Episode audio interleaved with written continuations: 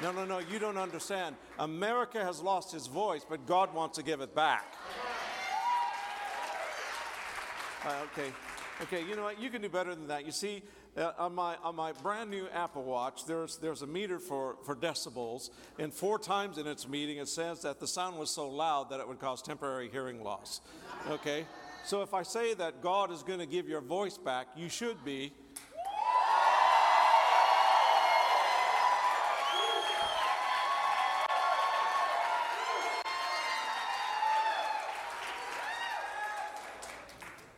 I think Siri I think Siri is so flabbergasted she doesn't know what to do right now. Okay, but okay. How did America lose its voice? How? Well, you can say it's because of the political system. You can say it's because of this president or that president or these elected officials. Part of that is true. Part of that is true. You can't discount that. Part of that is true. But there's a bigger reason why America has lost its voice. And let me, let me just say as it is I, I, I, I am both a European and I am an American. I'm sorry you're stuck with me. I still have my American passport. But I have a European passport too, so I have the ability to look into different cultures and different situations. Since I've had heart surgery and I've died, I really don't care what I say anymore. I don't care. I feel like I'm, I'm, I feel like I'm becoming more and more like my 88 year old mother. I mean, it's, it's, it's, it's freaky. She's Scottish. I do not want you to meet her. She will tell you everything I ever did wrong. She will start when I was six years old. I don't want you to meet her. You know, and Tom knows that this is true. It is the truth. It is the truth. So I really don't care. I really don't care exactly what I'm saying. I only care that the king is glorified. I only care, I only care that this nation takes its rightful place in the world. And right now, they're not. And you can say, well, again, there's so many things that we have. There's so many movements. There's so many cross currents. There's so many uh, uh, political initiatives that are being taken care of. And this faction wants this, and this faction wants that. And you can, you can, you can say, I'm on the camp of injustice, I'm on, I'm on the camp of, of MAGA, I'm on, I'm on this and I'm on that. And I just want to say to you, would you please get off of that train? Just get off of that train. Because there's a bigger problem right now why America's lost its voice. And here's what it is the prophets have forgotten how to speak the word of God. That's what has happened in this nation the prophets are not speaking clearly the word of God. Now, we have prophets here, and I know them, and they are. But if we talk about the prophets that are within this nation, they're not doing it, honey. They are not doing it. They have been neutered to only give word of knowledge prophecies when they should be talking about what God wants to do in the future. And they should be pointing, they should be pointing people into the principles and the mandate of what God has for each of you and for this nation. So the prophets have lost their voice. They've lost their voice. They've actually come to a place where they're in Ezekiel 13. Ezekiel 13, Ezekiel is talking about the prophets who have missed God and who are prophesying out of their imagination. That's what, he's, that's what it's all about. And he's very, very hard on them because they're saying things that sound good, seem good from a political standpoint with where Israel is at. And he says that they're leading the people away from the things of God because they are not communicating accurately the things that God has said. Welcome to America. Welcome to America. This is where it's at right now. But God wants to give your voice back.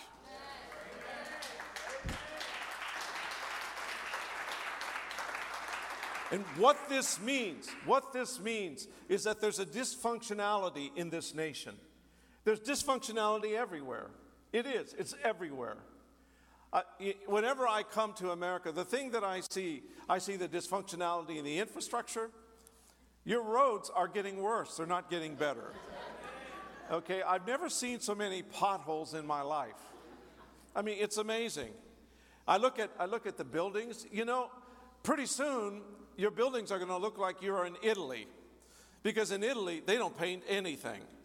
And the reason why they don't paint anything is because they want the principle that everything looks old and cozy. Let me say to you, America has never been old and cozy.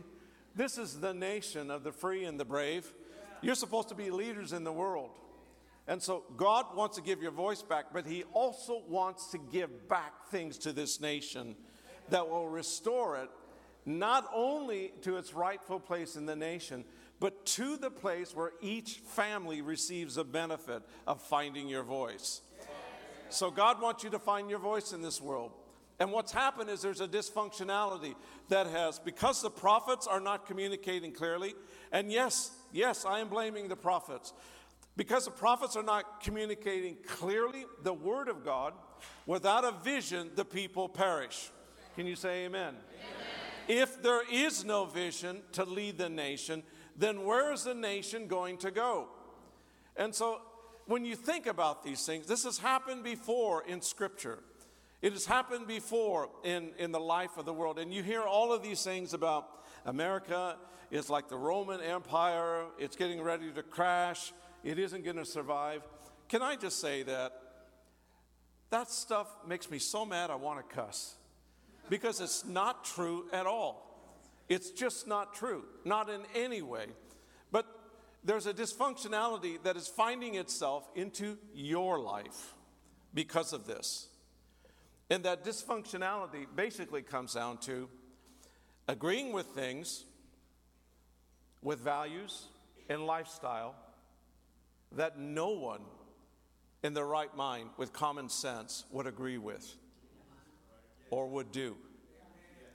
And so the dysfunctionality that has happened because of losing your voice, the prophets, political leaders who are not receiving the guidance that they need, has found its way into your life. And you are becoming dysfunctional and you don't even know it. But God's going to change that. Let me say it again God is going to change that. Now, where in the world and where in Scripture can we see things like this? Well, turn with me, if you would, to 1 Samuel chapter 10, verses 10 through 13. I am going to talk about prophets tonight, but I want to talk about how God is getting ready to change things. And while you're looking at that scripture, allow me to be a prophet for, for a minute. I believe I believe that God is sick and tired of word of knowledge prophets, and He wants people to go to the throne and get things about the future. Can I hear an amen to that? Now, wait a minute. Wait, wait, wait, wait, wait, wait, wait. Of the 1,850 prophecies in the Bible, 80% of them are about the future. They're about the Messiah, they're about nations. I mean, if you look at it closely, the word prophecy means future revelation. That's what it means.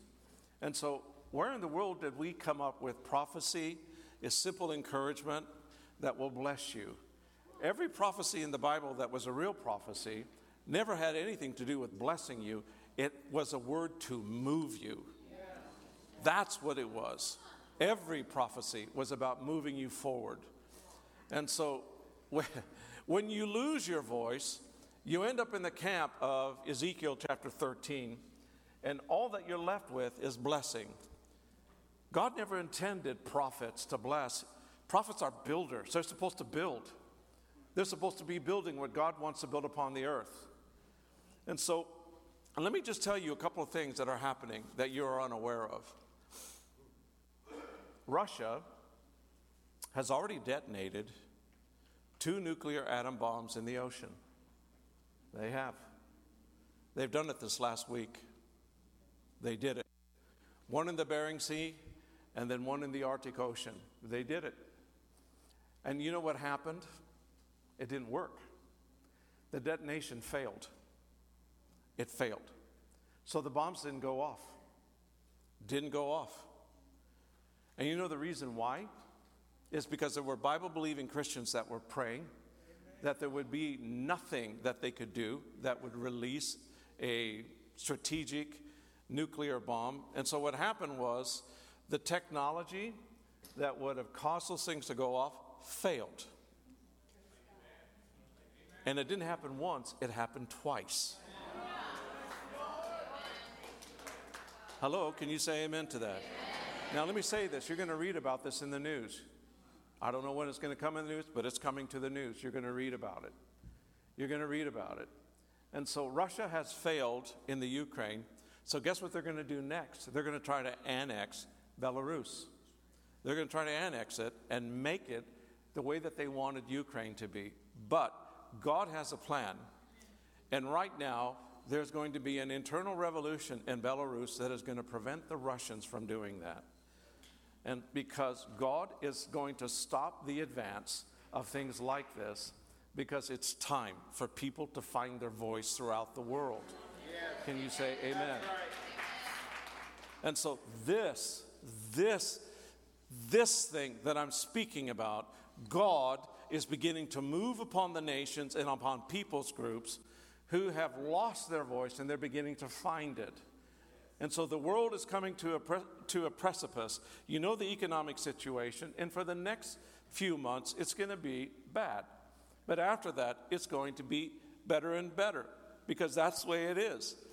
The thing about America is that when there is a presidential election, they're going to start floating money into the economy again to try to make sure that the Democrats are reelected. Okay, that's what they're going to do. Now, come on. This is what they're going to do, okay? But let me just say this to you. As God is giving his voice back to his people, it doesn't matter which one you vote for, God is going to raise up the right one. Hallelujah.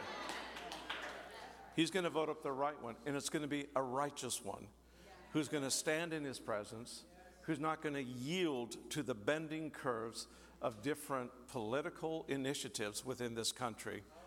It is time to find your voice. Can you say amen? amen. Take your fist like this and say, Find it. Find it. Now hit somebody and say, Find it. This is what God wants to do. And so the nation and the world has lost its voice, but God, very carefully, is redefining prophets in this world. Let me say it again. He's redefining prophets in this world. Let me say it again. God is redefining prophets in this world. And you know this thing about shopping a prophetic word, would you just get over it? If you get one prophetic word and it's from God, it's going to change your life and just be happy that you don't get any more because every time I've received a real prophetic word, my life got worse.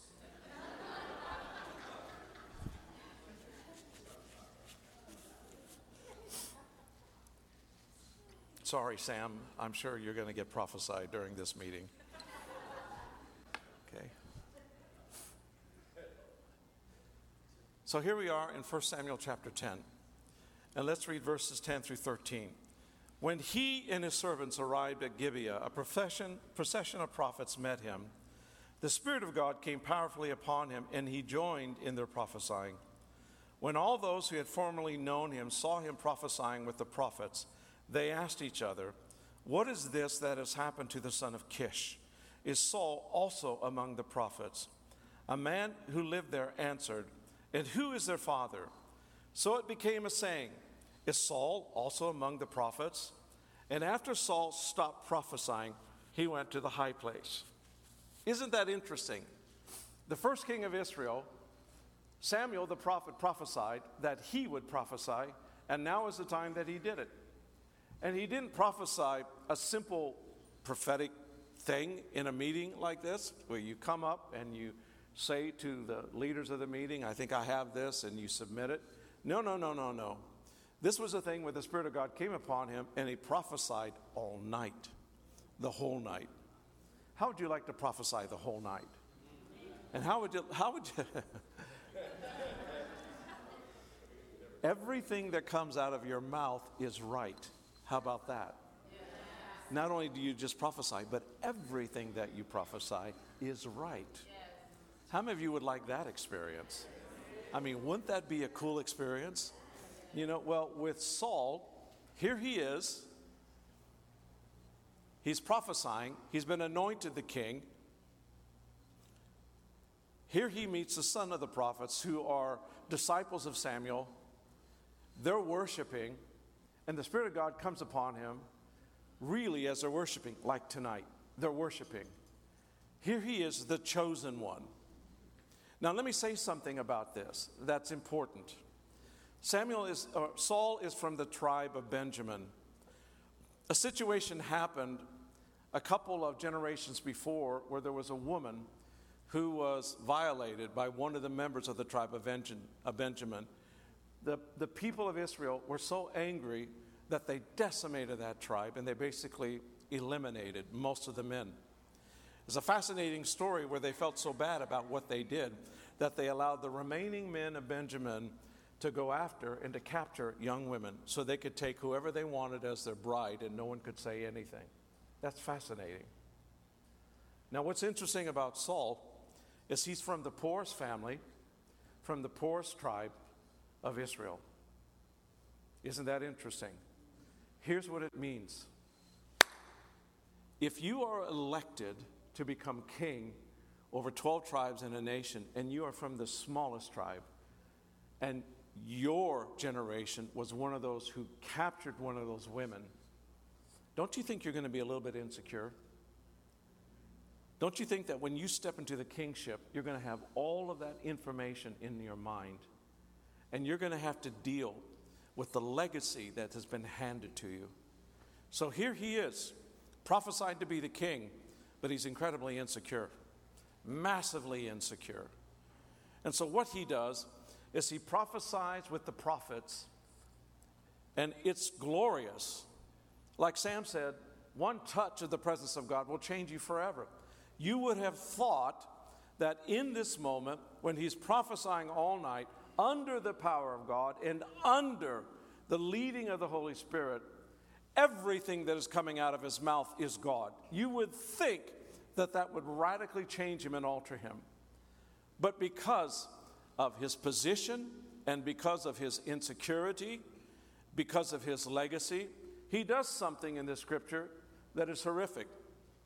What he does when he's done prophesying, he gets up and he goes to a high place. High places in those days where people worship God their own way. Hello? There's a lot of people in meetings like this who worship God and are touched by the presence of God, but then they go home and they live life the way that they want. If you're touched by the presence of God, you can't do that. Can I get an amen? amen? And so the dysfunctionality that happened was his dysfunctionality was transmitted into the nation. And Samuel knew it. Samuel saw it, and Samuel confronted it as a true prophet. If you look at the history of Saul,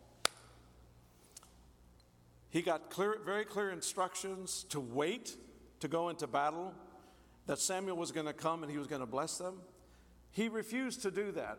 So, what he did is he put on the priestly garments and he offered up a sacrifice to God. And he acted as both priest and prophet and king. He did that because he was instructed in his own life to create a high place where believing that the presence of God that came upon him when he prophesied was going to be upon him when he did his own thing. Hello? The problem was is that when he got there and he put everything on, Samuel showed up and said, "What have you done?" And he didn't even repent. What he did is he made excuses. He said, uh, You weren't here and people were beginning to leave. So I had to do this. So basically, what he was saying to the prophet is, It's your fault that I did this. Now, can I, can I say this about God? God is never late. Even when you think he's late, he still shows up. and its glory when he shows up. And so it was an aspect of faith, and he failed because he had created a high place in his own life. I think in a lot of our American Christianity, not here, but in a lot of our American Christianity, there's a lot of Christians who have created their own high place. They love Jesus, but they serve in a capacity like Saul. If you're going to find your voice, that dysfunctionality needs to leave. Can I hear an amen? amen? And you might say, but I, I, I, I, I've got so many problems. I'm struggling with my identity. You don't know my life. And you know what? I, I'm so sorry. Please forgive me for saying this. I don't care about your life. I've died three times. How much worse can it get? How much worse can it get? And you might say, You don't know my struggles. You know, I can't pay the light bill. Scripture says you're going to get food, you're going to get clothing, and you should be happy. Hallelujah. That's what Jesus says. So everything else is just a gift and a blessing. Just a gift and a blessing. So here he is. He put on all of this stuff. He does his own worship of God. Now you had to understand is that he wasn't he wasn't sacrificing to Baal. He wasn't sacrificing to any of the other gods of the Canaanites. He was sacrificing to Yahweh, our God who is the Messiah, who is Jesus. He was sacrificing to him, but he was doing it his own way. That dysfunctionality is in America.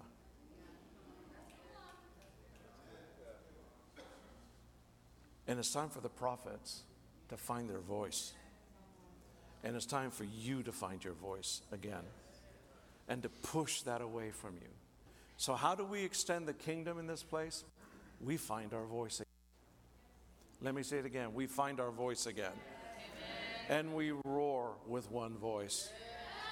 We roar with one voice. We roar in a way where they can hear us all throughout the world because we stand both in the principles, in the life, in the power, in the presence of God, in the holiness and the righteousness of who He is and we find that prophetic unction upon each of our lives where we can communicate the things of God clear. Now, what's interesting about this, let me just go on just a little bit more.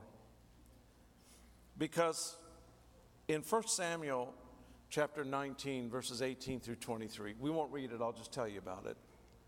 Some years later, there's a young man named David who you know in the Bible who Samuel anoints as king, the insecurities of Saul wants to kill this guy. Because here's a guy who has found his voice, who is going to lead the nation into its most productive time. And he wants to eliminate him. So, what he does is he sends three groups of people to kill this guy. Three groups of people. Now, it's fascinating when you think about this because each of these groups represents something. They represent the political infrastructure, they represent the priestly inf- infrastructure, they also represent the people. And so Saul is taking all the resources that he has and putting it into these soldiers. And we're not talking about a group of five or 10 or 50, we're talking hundreds at each time that are going to find David and to kill him because he has his voice. Let me say this when you find your voice, the world system is going to try to kill you. They just will. They're going to try to neuter you, they're going to try to stop you. But the Spirit of God is going to prevent all of that. Let me say it again He's going to prevent all of that. Because what happened in this, first group comes just about to lay their hands on this young man. The Spirit of God falls on them like the same thing that happened to Paul, and all the hundreds of those soldiers that are going to take him prophesied. Hallelujah. And they didn't prophesy one time, they prophesied the whole night. Praise God. How would you like it to see the armies of the United States prophesy under the anointing and the power of God? Wouldn't that be an amazing thing? Well, the army of Israel, Saul's army, oh, I love God. The Spirit of God comes upon them when they're getting ready to take this young man, and the presence of God comes so strong, they're prophesying all together, all of them, individually, prophesying the things of God and the things over the nation. Now, remember, I said that prophecy is futuristic. So they're prophesying. I wish we had it all recorded. But let's say there's 300, 500. They're all prophesying the whole night. The whole night. Now, if you're prophesying the whole night under the glory of God, let me say this. Most of us can only stand in a real Holy Ghost meeting with the power of God.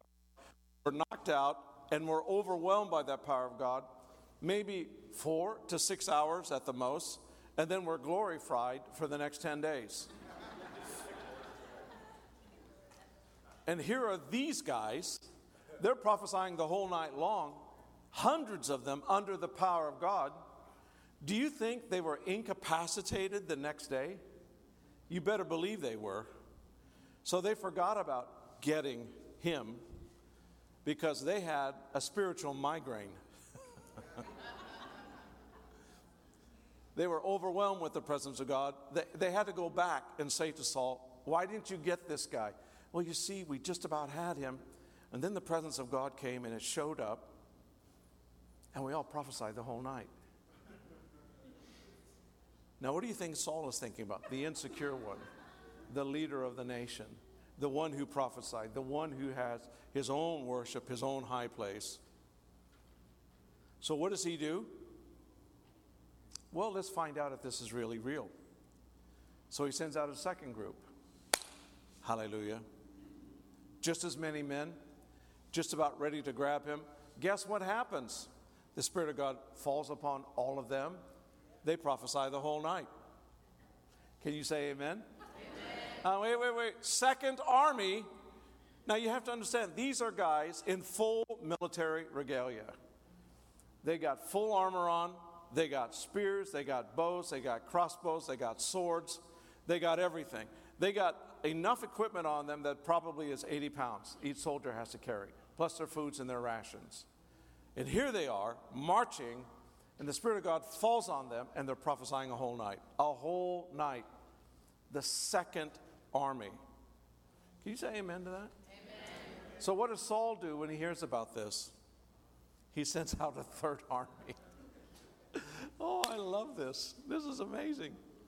So, you see, it's the political system, it's the priestly system, it's the dysfunctionality of the people in the nation. So, here he is, he's sending all of this out to David to kill him. But God had a plan. And so, for the third time, he comes upon the third army, and they prophesy all night. May this happen in America. Hallelujah. Let me say it again. May this happen in America. Let me say it again. May this happen in America. May the anointing that was upon the Pilgrim Fathers and on the Great Awakening, may it live again within this nation. And may the presence of God fall upon our armies. May it fall upon the Senate. May it fall upon Congress, the House of Representatives. May it fall upon the state representatives and the senators of this great state. May it fall upon the churches and may it fall upon the families of this great, great nation. Can you say amen to that? Amen. God wants his people to prophesy, he wants his people to find their voice. He wants us to shake ourselves, our dysfunctionality, and to move forward into all that He has for each of us. Finding your voice means that you have to put some things aside. You cannot come to a place in your own private devotions where you're worshiping God in your own way that has nothing to do with who He is or how He is. It basically means you have to put compromise away.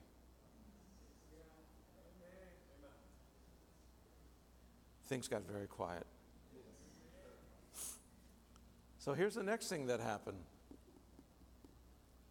Saul says, Hey, these men are not men enough. I'm going to go get this guy. So here he is in his full armor, his full armor, probably with the biggest, biggest army that he had. And he hears that David and Samuel at, are at Naioth. And so he has a plan to get him and to trap him. So he comes to the place where they're at. And what's interesting, what the Bible infers is this Samuel allows the army and Saul to come into his presence and to stand before him. And David is standing right next to him. Now, think about that. Think about that. The others were on their way. The Spirit of God falls. They prophesy. Now, the king, his army, is right before Samuel, ready to lay hands on David. And just at that moment, the Spirit of God falls on all of them. And the Bible says that it fell on Samuel, on Saul, so strong that he took off his bat- battle armor. He was there to kill David. He took off his battle armor and he stripped himself and laid naked before Samuel and before the Lord for a day and a night.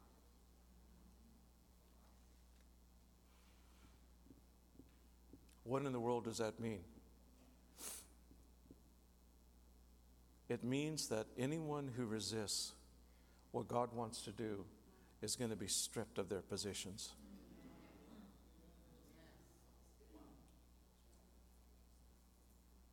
Those who are building things that are not what He wants to build upon the earth, He's going to deal with it. And then you'll have no choice but to come before Him naked, who you are and for the presence of God to touch you. So God stripped this leader. But the interesting thing about when you're stripped as a leader, I know about this personally. When you're stripped as a leader, when the presence of God comes that strongly upon you, when it comes that strongly upon you, like it did Saul, it's a second chance. Let me say it again it's a second chance. And it wasn't a second chance for him, it was a third chance. It came upon him not just for a day, it came upon him for a day and a night. In other words, it was on him for 36 hours. Wait, wait, wait, wait, wait, wait.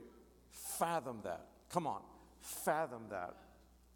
Prophesying nonstop, continually under a glory frying anointing of the power of the Holy Spirit for 36 hours. For 36 hours. For 36 hours. As men saw him stripped, David is only about 20 feet away from him. Samuel is sitting in his chair right before him. I imagine they're all prophesying. He couldn't get him. He couldn't reach him. God gave him a second chance. He knew what the presence of God was. He knew it, he knew it, he knew it, he knew it. How many of you know what the presence of God is? He knew it, he knew it, he lived under it. He knew it. And when it wasn't upon him, he would ask musicians come to try to create the atmosphere so that the presence of God could come. But because of his dysfunctionality, and I'm, rec- I'm actually talking about this nation, because of his dysfunctionality, he couldn't access the presence of God, even in worship. He remembered the time when he was with the sons of the prophet and they were singing and the presence of God came. He remembered when the presence of God came, where he was in the presence of Samuel. He remembered that. He remembered that and now in his insecurity, and now in his own worship, his own way, God wanted to give him a third chance. So he did. Samuel gave him basically a command Go eliminate these people and kill their king. And he refused to do it. That was it. So, what is the thing that determines your dysfunctionality? Listen to this very carefully obedience. Look at your neighbor and say, obedience. That determines your dysfunctionality. If you will obey, if you will obey. He refused to obey when he had very, very clear prophetic instructions, very, very clear direction. He knew it, he understood it, but he was still the man who went to the high place and did his own thing. And so when Samuel confronts him about why didn't you kill Agag, he does the same thing again. Well, you know, we killed so much. Yeah, we took some of their stuff, but you know, we deserve that. We worked so hard for it. When God gave specific instructions, kill them all, don't take anything. So it was worshiping God, their God, their way. And God was saying to the nation, You can't do it your way, you have to do it my way.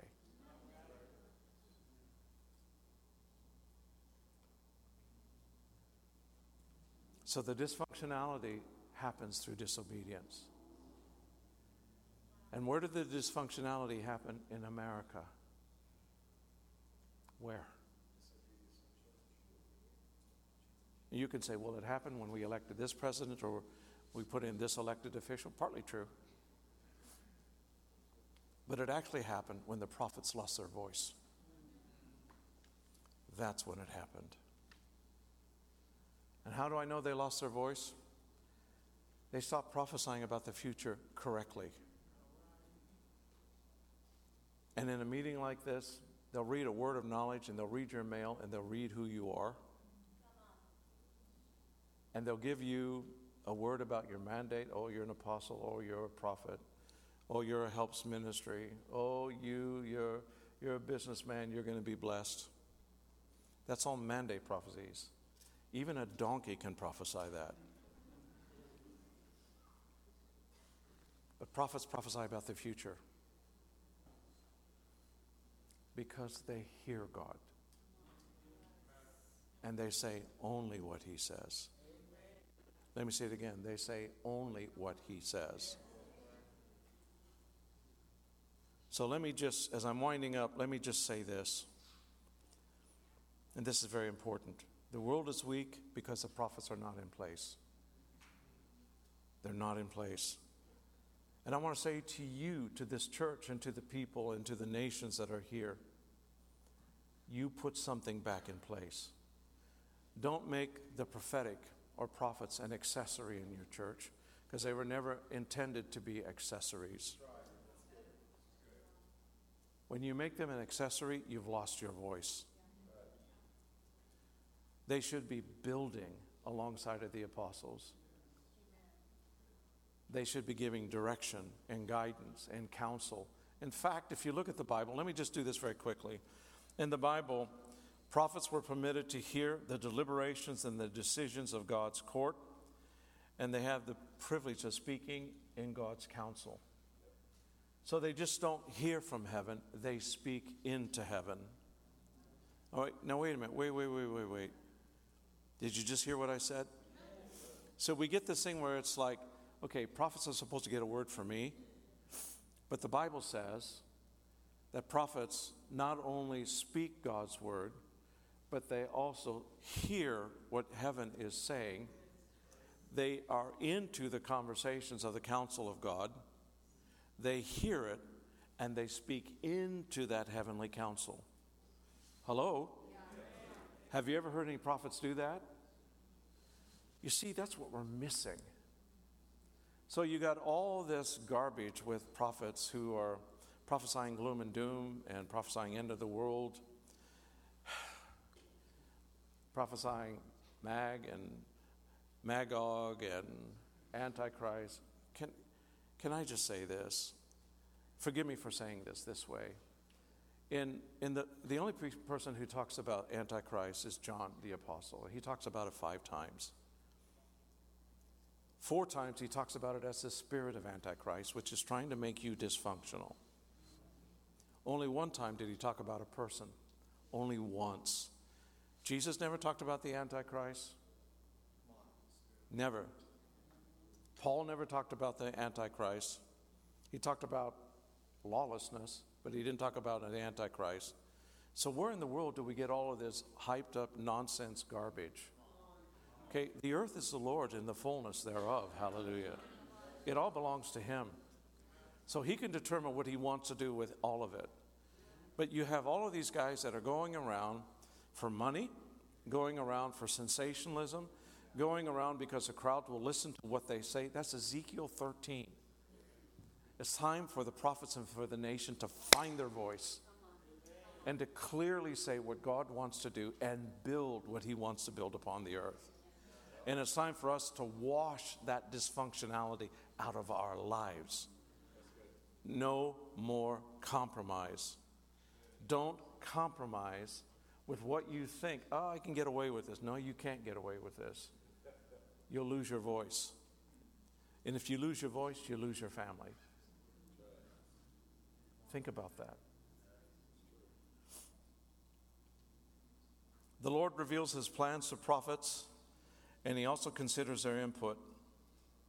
In the Bible, a prophet functions as a prosecutor, delivering the Lord's indictments, and he also functioned as an advocate for the defense, pleading with Yahweh to keep his promises. Moses did that. Prophets who speak God's word create new worlds. Look at your neighbor and say, It's time for a new world. How many of you are ready for a new world?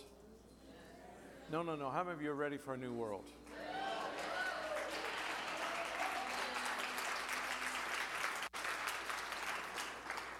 The Bible is a book about prophecy.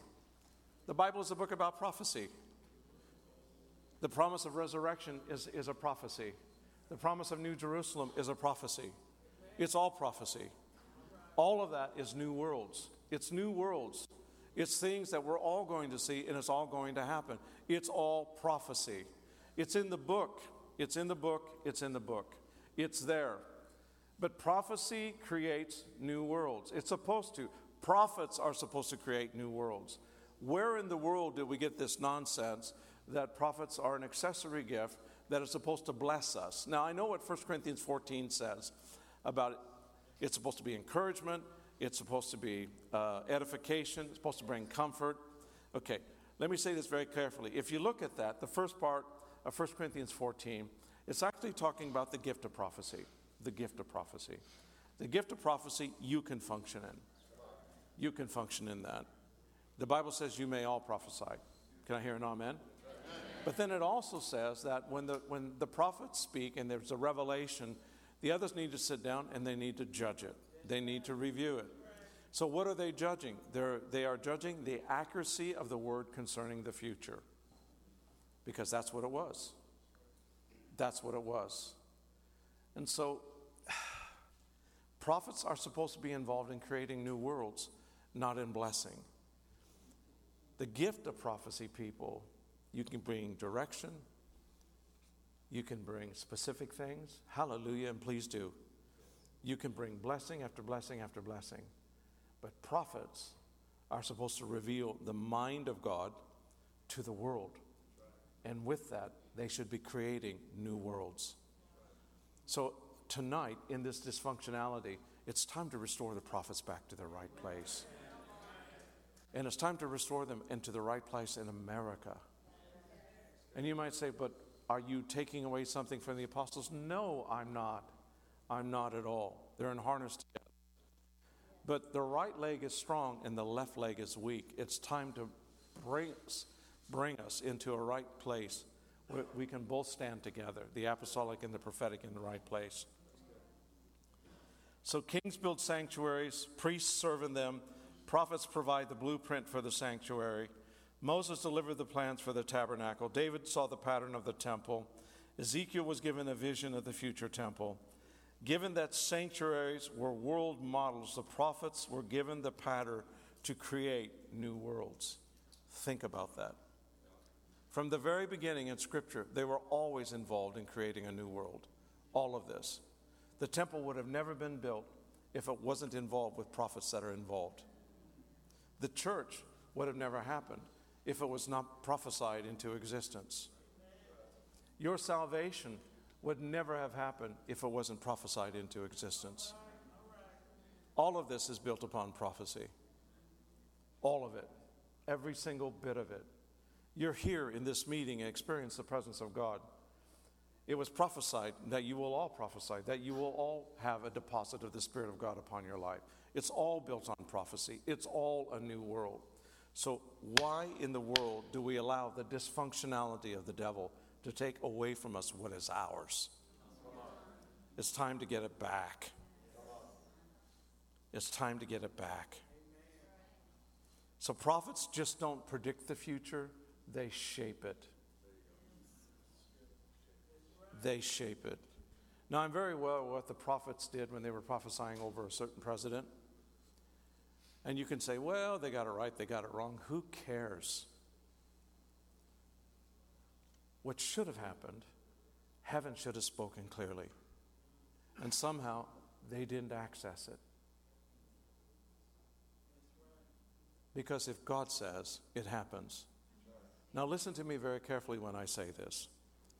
If an Ephesians 4 prophet, if we go to the Old Testament, and the Bible is continuous, I don't believe in dispensations, I believe in the Bible. Now, I understand that Jesus has fulfilled many things in the Old Testament, but the Word of God is eternal, it is forever. Can we say amen to that? So, in the Old Testament, it was said that if a prophet prophesies wrongly about the future, kill him.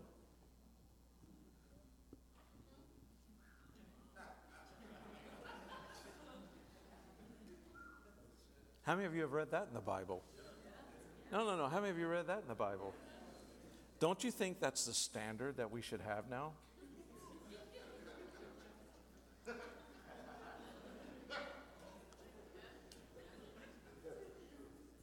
And you might say, well, that's not grace and love and mercy. Not for prophets, it's not. If you speak in the name of the Lord, if you speak and believing that what you hear is His, it has to come to pass. And if it doesn't come to pass, this is your measuring rod.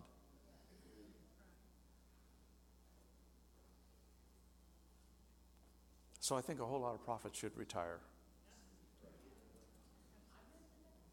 Hello?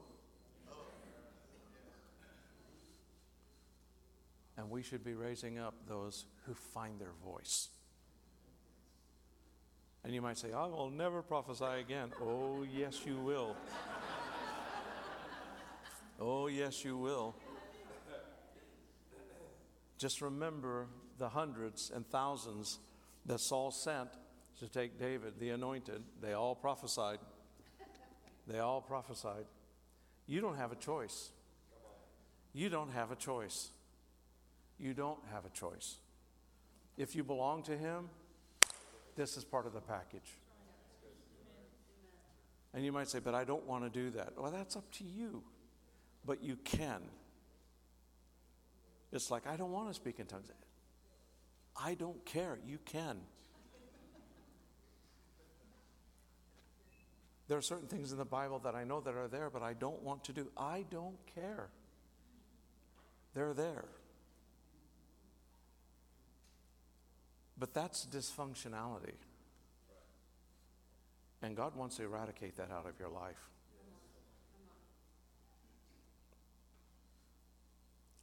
Prophets become prophets for only one reason. Only one reason. God sends them and He gives them little choice. So, you know how I got to Europe? I'll tell you and then I'll wind down. This is how I got to Europe. I was preaching in the African American churches in Chicago. I loved it. I was the only white boy. I was, forgive me for saying this, I was the cracker, you know. 400, 600.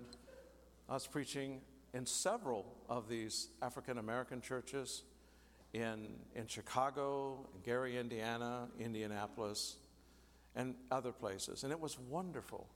You know, when a white boy hits a vein and he preaches just a little, and you know, white, white boys have a little problem with preaching unless they really learn how to do it. Come on, black folk, you know that, okay? okay, okay, okay. Look, I've been to Africa.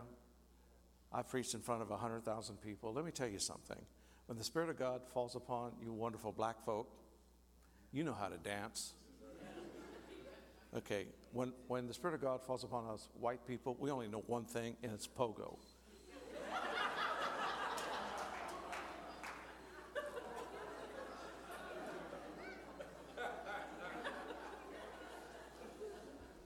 and you know, for the youth, they do headbang, okay?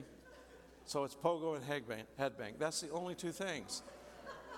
But if you go to South America, if you go to Africa, those people dance under the power of God.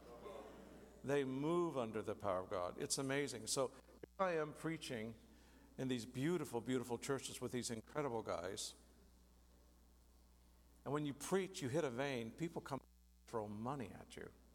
Hallelujah. no, let me tell you.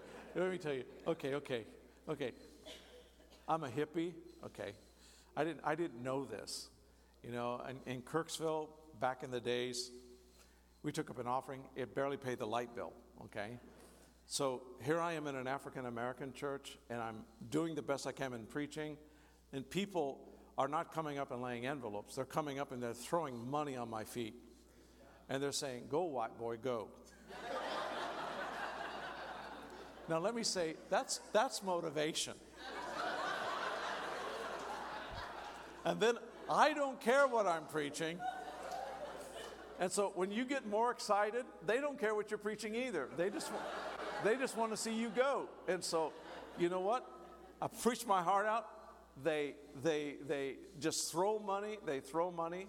And so I, I'm sweating. I'm drenched. Everything is wet. And so the mother of this church, you know, in these, these COGIC churches, there's, there's a church mother. They're, they're wonderful. Got a big hat on.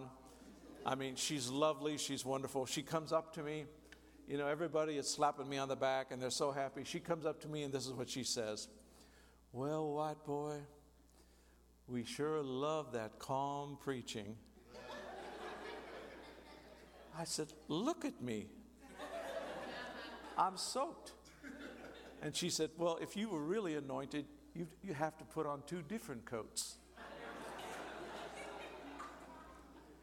And I said, Mother, the next time I come, I'll bring an extra coat. And so the next time I came, I brought two extra coats. Hallelujah.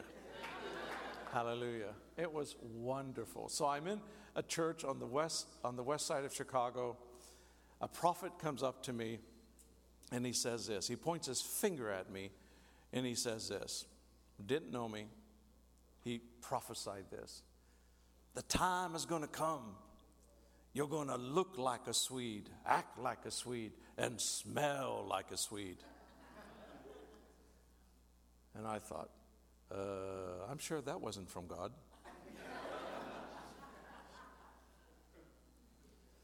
because I want, I want more of this. So, six months later, on the, on the south side of Chicago, a man I never met, never met, beautiful, beautiful senior prophet. He had to be over 80. He comes up to me in the middle of the meeting in the middle of the meeting, he comes up to me and he stands about 10 feet away from me. He takes his crooked finger and he says this Do you remember the story of Jonah in the whale? You don't think I can create a whale to swallow you on dry land, but I can. I told you to go. Two weeks later, I was in Sweden. Hallelujah.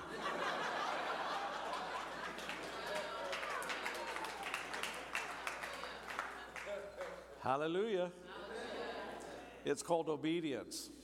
It's called obedience. So tonight, extending the kingdom. Find your voice. It's time to find your voice again. Everybody just stand up. It's time to find your voice again. Can I have the musicians come? It's time to find your voice.